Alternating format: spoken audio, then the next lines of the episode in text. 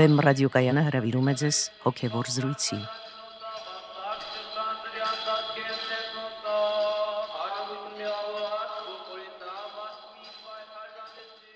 Սիրելի ունկնդիրներ, Վեմ ռադիոկայանի եթերում են արժանապատիվ Տեր Մեսրոպ Քահանա Արամյանը եւ Արա Սարգսակ Նալչաջյանը։ Մենք շարունակում ենք զրույցների շարքը 9 Երանիների մասին։ Այսօրվա մեր զրույցը վերաբերում է 5-րդ Երանիին։ Օրհնեցեք Տեր հայր։ Աստված օրհնի։ Տեր հայր ավետարանը այսպես է ասում. Երանի ողորմածներին, քանզի նրանք ողորմություն պիտի գտնեն։ Մեր թղթակիցը հարցրել է մարդկանց, թե նրանց կարծիքով ում ինչպիսի մարդուն կարելի է կոչել ողորմած։ Ահա պատասխանները։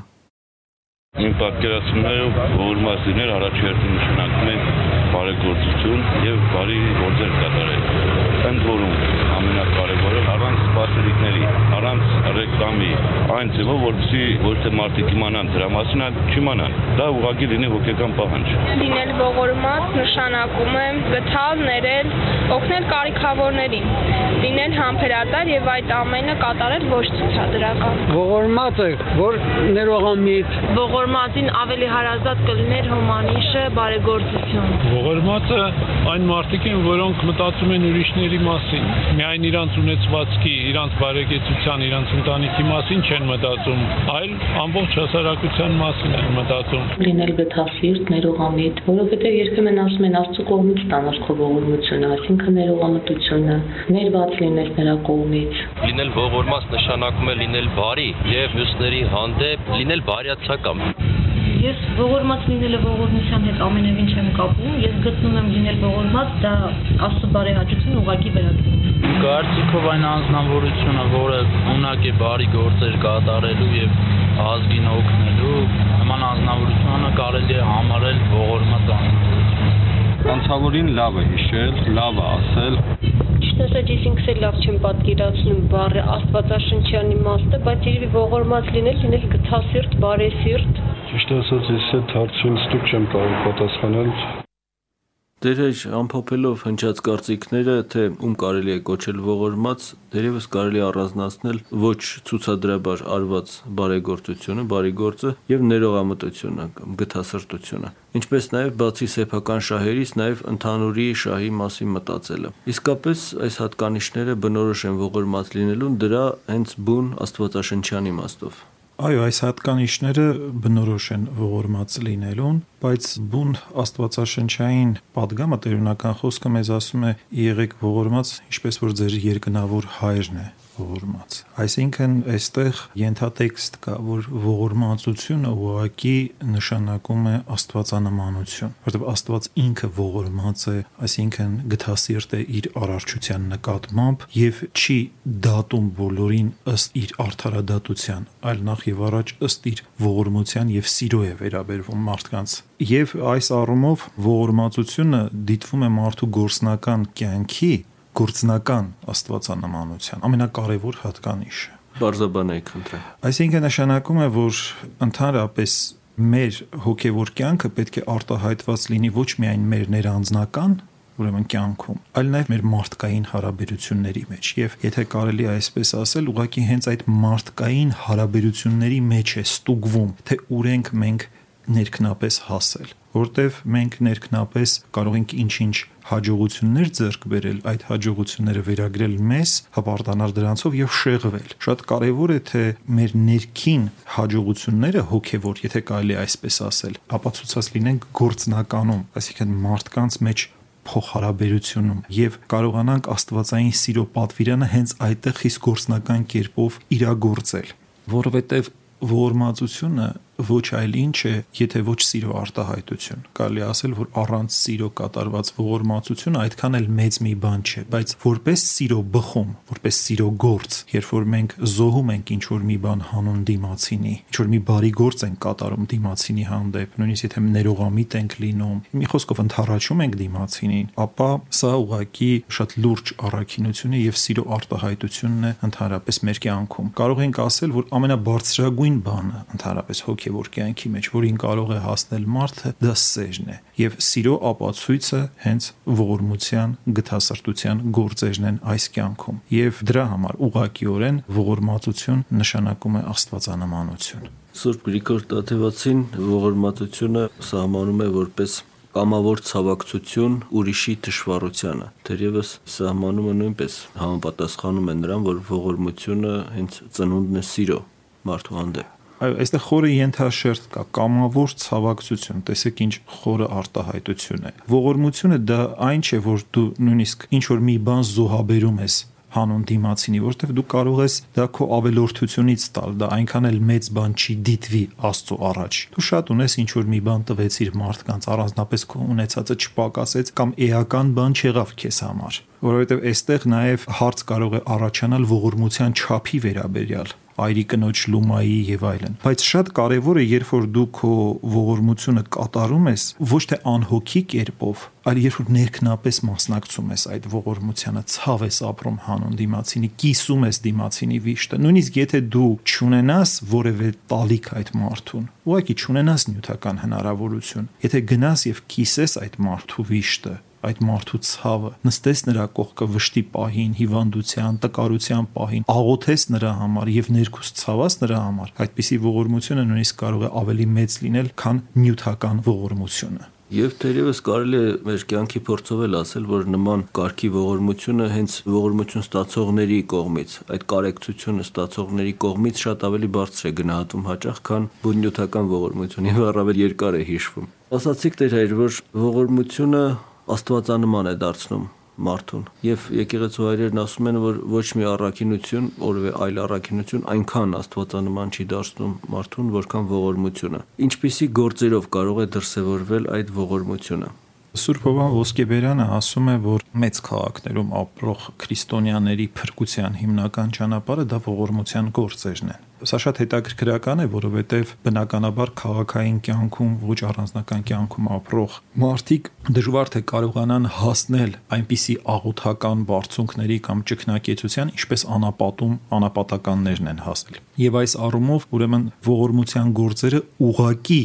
ուղիղ հնարավորությունն են մեծ քաղաքներում ապրող քրիստոնյաների փրկվելու։ Այսինքն պետք է նախ եւ առաջ ողորմած լինել եւ այս ողորմածության փաստորեն կոչը հատկապես կարեւոր է մեծ պահոց շրջանում։ Ես նորից ուզում եմ հիշեցնել, որ պահքի շրջանում հատկապես մարդիկ պետք է ակտիվացնեն ողորմության գործեր կատարելը, որովհետեւ միայն այդ դեպքում քո պահքը կլինի ընդունելի պահքդ քո ընդունելի է, եթե այդ պահքը քեզ տանում է աղոթասիրության, ներքին ապաշխարության։ Եւ այն ինչ որ որ դու խնայում ես, այսինքն քո սակավապիտությամբ դու պետք է դրանով ողորմություն կատարես մարդկանց, կարիքավորներին, որպեսի քո պահքդ, այսինքն քո ճուտելը լինի ընդունելի։ Այլապես ինչ առաքինություն կա այդ ճուտելու մեջ։ Ճուտելու նպատակը մեկն է՝ խնայողություն հանուն աղքատների։ Այսպես են բացատրում եկեղեցու հայրերը։ Դրա համար մեծ պահքի շրջանի քարոզներում հատկապես մեծ տեղ է հատկացվում ողորմության այս առաքինությանը։ Ողորմությունը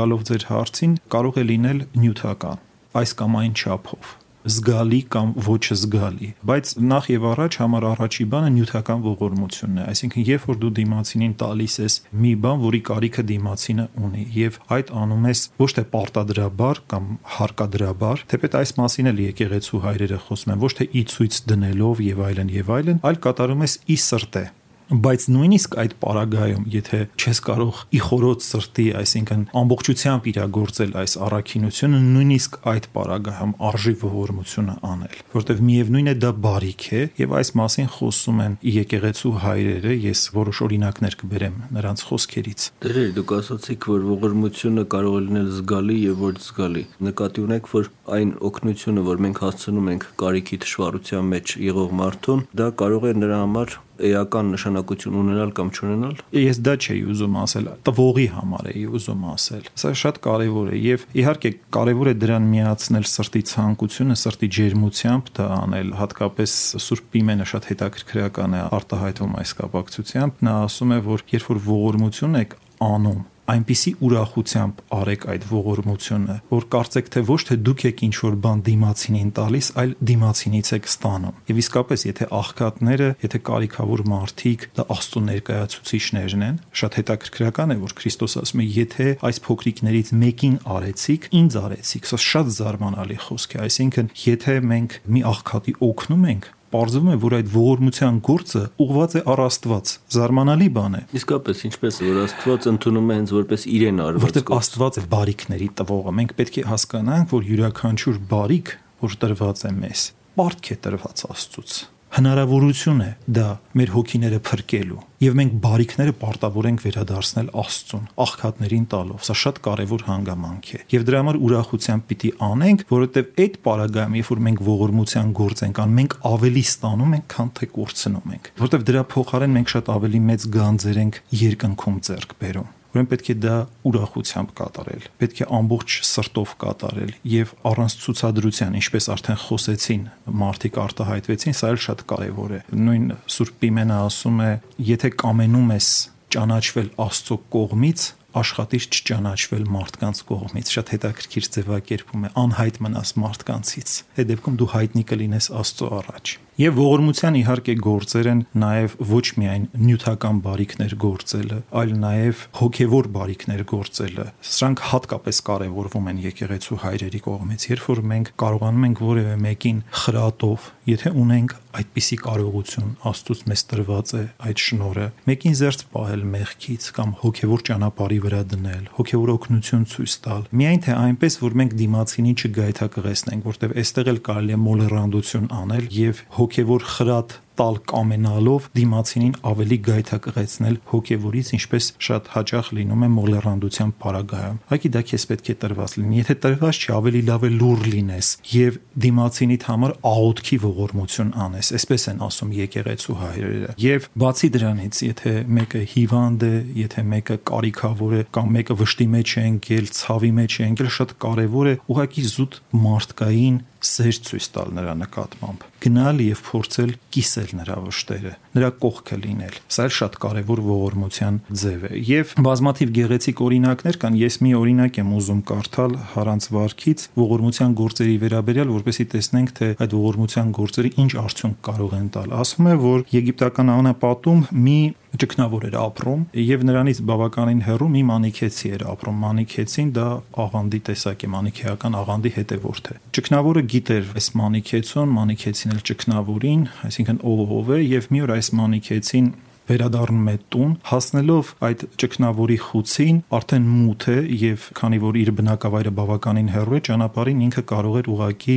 գազանների հարցակման ենթարկվել եւ հիմա նա մտմտում է մտնեմ արդյոք ճկնավորի մոտ թե ոչ չէ որ նա գիտի որ ես մանիքեական ուրեմն աղանդի հետևորդ եմ վերջը քանի որ ճարճ ունի ծեծում է ճկնավորի դուռը եւ ճկնավորը մեծ ուրախությամբ մեծ խնդությամբ նրան ընդունում է պատվում է, կերակրում է իր վերջի, այսպես ասած, ուտելիքով եւ պարկացնում է իր մահճի վրա ինքը այսպես գետնին է պարկում եւ այս մանիքեցին ուղակի զարմանում է իսկ երբ որ ամբողջ գիշերը տեսնում է որ այդ ճկնավորը աղոթքի մեջ է արտասուքով ապաշխարությամբ աղոթքի մեջ է մինչեւ առավոտ առավոտյան ընկնում է նրա ոտքերը ասում է իսկապես դու աստծո մարդն ես եւ այլևս քեզանից չեմ հեռանալու եւ ես կամենում եմ քո աշակերտը լինել տեսնում եք ողորմության գործը գթասրտությունը ինչ գործեր է գործում նա չքարոզեց ինչ որ մեծ-մեծ բաներ չխոսեց այլ իր կյանքի օրինակով པարս գթասրտությամբ եւ իր վարկով այդ մարդուն դարձի բերեց։ Այսպիսի մեծամեծ գործեր կարող են գործել ողորմության գործերը։ Դեր որպեսի ավելի հստակ պատկերացում ստեղծվի մեր ունկնդիրների մոտ, թե ինչպիսին են կոնկրետ ողորմության գործերը, ուղղակի այդ շարքը ներկայացնենք Սուրբ Գրիգոր Տաթևացու խոսքերով։ Նա 7 մարմնավոր եւ 7 հոգեվոր ուղություններ է առանձնացնում ողորմության գործերի մեջ եւ մարմնավորները հետեւյալներն են նշում. կերակրել քաղցյալներին, հագեցնել ծառավյալներին, հագցնել մերկերին, ընդունել պանդուխտներին, փրկել գերյալներին, այցելել հիվանդներին եւ թաղել մեռյալներին։ Ինչով է պայմանավորված այս շարքը, դերեր, ինչն է ընդհանուր այս շարքի մեջ։ Դրանք բոլորն էլ շատ կարևոր փաստորեն ողորմության գործեր են եւ արտահայտություններն են ուղակի ողորմության գործերի։ Կարելի է թվարկել նաեւ այլ գործեր, մարմնավոր այլ գործեր, ցանկացած բարիք, որը որ դու գործում ես հանուն դիմացինի, դա ըստ էության ողորմության գործ է։ Իհարկե, այստեղ պետք է խորագիտություն, որպեսի այդ բարիքը ճիշտ իր տեղը հասնի։ Շատ հաճախ parzapes դիմացինին տալով նյութական բարիքներ, parzapes կերակրելով միայն դու կարող ես նույնիսկ դիմացինին փչացնել։ Այստեղ կարևոր է նաև խորագիտությունը, որպեսի դու ոչ միայն դիմացինին օգնես, այլ այնպես անես, որ դիմացինը ներքնապես ճիշտ վերաբերվի այդ բարիքներին շատ հաճախ ողորմության գործերը դրթում են մարդկանց ծուլության, անդադ վարժվում են ստանալու եւ չեն աշխատում։ Դու կարող ես այդ քո նվիրատվությունը կամ օգնությունը այլ կերպով անել, այսինքն տալ դիմացինին պայմանով, որ նա ինչ որ օգտակար աշխատանք կատարի, թեկուզ ուրիշների համար եւ այլն։ Եվ մեր կյանքում էլ կան այսպիսի օրինակներ։ Շատ հետաքրքրական է, որ այն երկրները, որոնք արտասահմանյան օգնությունների վրա են նստում, այդ երկրների տնտեսությունը ցանկալի կերպով չի զարգանում, եթե չասենք, որ անընդհատ այդ երկրները թաղվում են պարտքերի մեջ։ Իսկ ընդհակառակը այն երկրները, որոնք հրաժարվում են այդ օգնությունների ծրագրերից եւ գնում են վարկերի ճանապարհով, ինչ որ լուրջ պրոյեկտների համար վարկեր են վերցնում, այդ երկրների տնտեսությունները շատ ավելի դինամիկ կերպով են զարգանում։ Նույնն էլ մարդկանց պարագայում է եւ պետք է այստեղ խորագետ լինել, որպեսի նյութական ողորմությամբ մենք ուղակի մարդկանց չփչացնենք։ Դեր մեր ռեպորտաժի մասնակիցներից մեկը, հարցման մասնակիցներից մեկը ողորմության որպես գործ նշեց հիշել անցավորներին, այսպեսի մի արտահայտություն արեց։ Եվ հա, այստեղ Սուրբ Գրիգոր Տաթևացին նշում է մերյալներին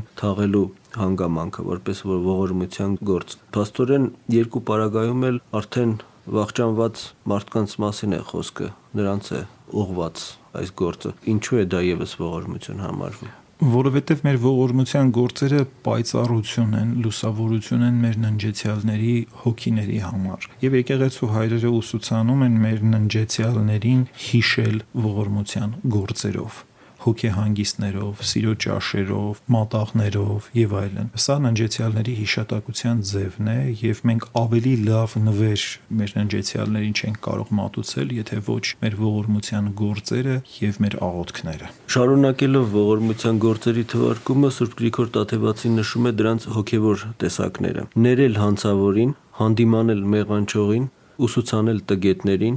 խրատել երկմիտներին, մխիթարել տրտմածներին, աղոթել ընկերոջ փրկության համար, համբերել իր դեմ գործված անիրավություններին, այսինքն սեփական անձի դեմ գործված անիրավություններին, ընդ որում այս վերջին այն պատճառով է ողորմության գործ համարվում, որ բացատրում է Սուրբը, որ խոնար պատասխանը կարող է հանդարտեցնել բարկացած ընկերոջը եւ շահել նրան, շահել նրա հոգին, այսինքն Ինչու են այսպիսի գործերը մարդուն դարձնում առավել աստվածանման, քան այլ առաքինությունները։ Այդ թվարկված առաջի 6 տեսակների մասին մենք այս կամ այն չափով խոսեցինք, շատ հետաքրքրական էր այդ համբերության պահը, երբ որ դու անարգվում ես եւ համբերում ես։ Իսահակ Նինվեացին ասում է, որ առաքինագործը ոչ թե նա է, ով ջանադրաբար առաքինություններ է գործում, այլ նա, ով համբերում է այդ առաքինություններին հաջորդող փորձություններին։ Ուրեմն մենք միշտ պետք է հիշենք, որ դեռևս կա փորձության մի աստիճան էլ, երբ որ մենք հոգևոր գործեր ենք կատարում,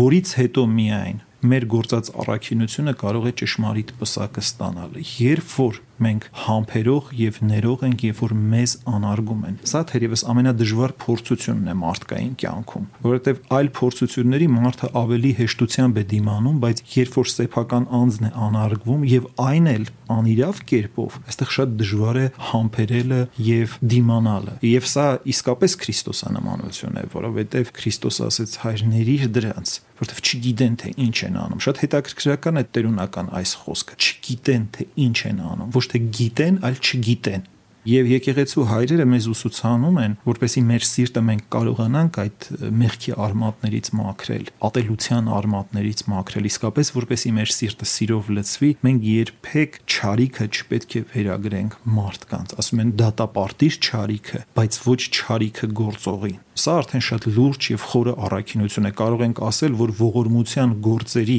ընդհանրապես բոլոր առաքինության գործերի, պսակը հենց մարդը ստանում է այդ պահին, երբ որ նա կարողանում է համբերել եւ սիրով, ոչ թե պարտադրված կերպով։ Դրան ուրեմն հաջորդող փորձություններին։ հայր, դուք ասում եք, որ պետք է այդպես համբերել, սակայն մեր հայ իրականության մեջ, մեր ներկա իրականության մեջ հատուկ պատվախնդրության առարկա է կարծես այդ խնդիրը, երբ թե քեզ անարգում են, վիրավորանք են հասցնում, հատուկ ինչ որ տղամարդկություն է համարվում, որ խստորեն պատժել կամ ինչ որ վրեժ լուծել այդ անարգանքը հասցնողին։ Իսկապես այդպես է։ Մեր ժողովրդի մեջ տարածված է այդ մտայնությունը այսօր։ Ոչ միայն մեր ժողովրդի մեջ, բոլոր տեղերում էլ դա տարածված է։ Պետք չէ որ մենք մեզ ամենա, այսպես ասած, պատվախնդիրը համարենք, բոլոր տեղերում էլ դա տարածված է։ Ասենք նույնիսկ մենք չենք կարող որոշ այլ ժողովուրդների հետ համեմատվել այդ առումով։ Բայց քրիստոնեությունը մեզ այլ բան է սովորեցնում։ Քրիստոնեությունը մեզ ասում է մի գնակուրության ճանապարհով մի մթագնի քո հոգին բարկությամբ, որտեվ միևնույն է դու դրանով հարց չես լուծելու։ Իհարկե, սա չի նշանակում, որ ընդհանրապես քրիստոնեությունը ասում է քո սեփական արժանապատվության համար մի պայքարիր, այդպես չէ։ Այսինքն ամեն դեպքում կա ինչ որ չափ ու սահման, որից հետո արդեն մարդը պետք է զգաստացնի դիմացինին, որտեվ դիմացինը չի սթափվում։ Այդպես է նաև քո ճշնամու պարագային։ Շատ հաճախ դու ստիպված ես լինում զենք վերցնել եւ պայքարել քո ճշնամու դեմ։ Նույնը տեսնում ենք ավետարանի մեջ, որ Քրիստոս տաճարը մաքրեց բավականին բռնի կերպով տաճարը մաքրեց նրանցից, ովքեր տաճարը դարձրել էին ուրեմն անիրավության ворջ եւ առևտրով էին այնտեղ զբաղված։ Էնպես որ կա չափ եւ սահման ամեն ինչի եւ այստեղ նորից պետք է խորագիտություն մարդուց պահանջվում է խորագիտություն, թե որ պահին ինքը ինչ պետք է գործադրի։ Բայց միանշանակ կարող եմ ասել, որ եթե դու լծված ես բարկությամբ, եւ ներքին կուրություն կա քո մեջ, ատելություն կա, դու դրանով հարց չես կարող լուծել եւ դրա ճանապարհը շատ կարճ է եւ դա կարող է տանել ավելի անկանխատեսելի հետևանքների եւ շատ վատ վախճան ունենալ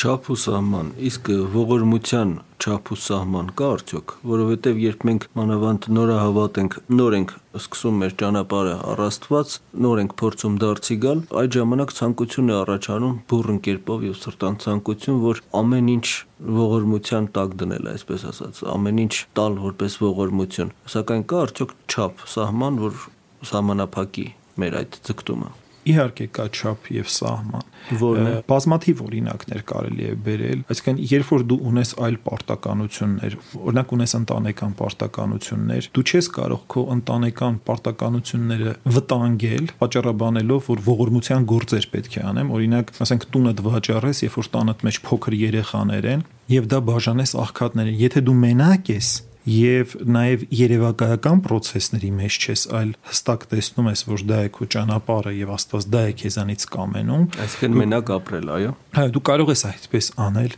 եւ գնալ ճգնավորական կյանքի, դիմել այդպիսի խիզախության։ Եվ ավետարանը կոչ է անում նման օրինակ հոգեվոր խիզախության, բայց երբ որ դու ունես ինչ որ պարտականություններ, դու այլևս իրավունք չունես այդպիսի բան անել, որովհետեւ միայն դու չէ, որ վճռում ես եւ դու ունես համար առաջի պարտականություն նաեւ քո, ասենք, ընտանիքի կամ երեխաների համար։ Իհարկե, սա չպետք է պատճառաբանություն դարձնես, որպեսի իսպար հեռանաս ողորմության գործերից եւ սիրտդ կարծրացնես, որտեվ կարծեք թե մեր երկրում շատ ճարիքներ են գործվում հանուն ընտանիքի վեհ գաղափարի։ Թե մեր երեխաների համար են կանում, ինչ կա որ մի փոքր գողանանք, մի փոքր ուրիշին կեղեքենք եւ այլն եւ այլն։ Խոսքը արդար վաստակի մասին է։ Այնուամենայնիվ դու պարտավոր ես այդ երեխաներին ինչ որ տեղ հասնել երբ որ ազատ կլինես քո կյանքում, ապա դու կարող ես դիմել նաև հոգևոր բարձր առաքինությունների, բայց միայն թե եթե դա քեզ տրված է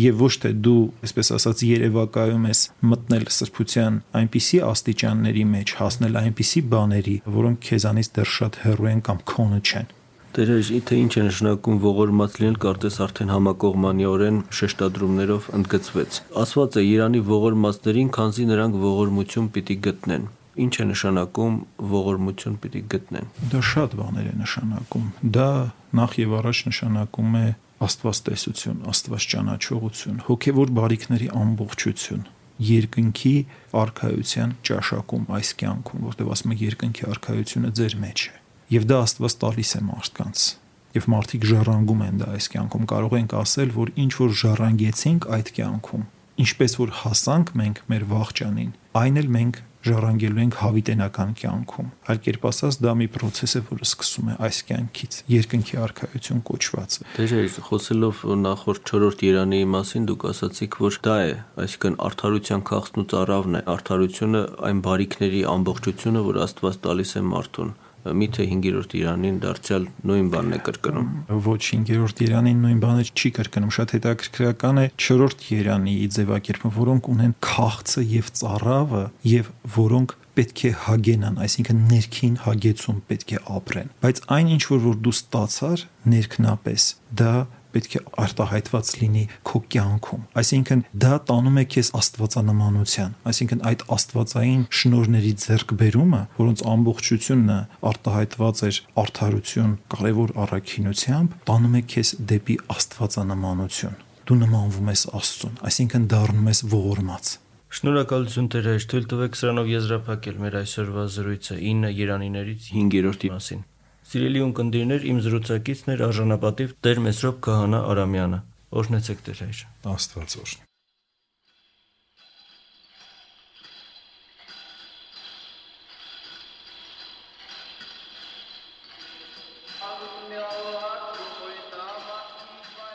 Հոգևոր զրույցներ հաղորդաշարի հերթական հաղորդումը վարեց Արաս Սարգսակ Նալչաջյանը։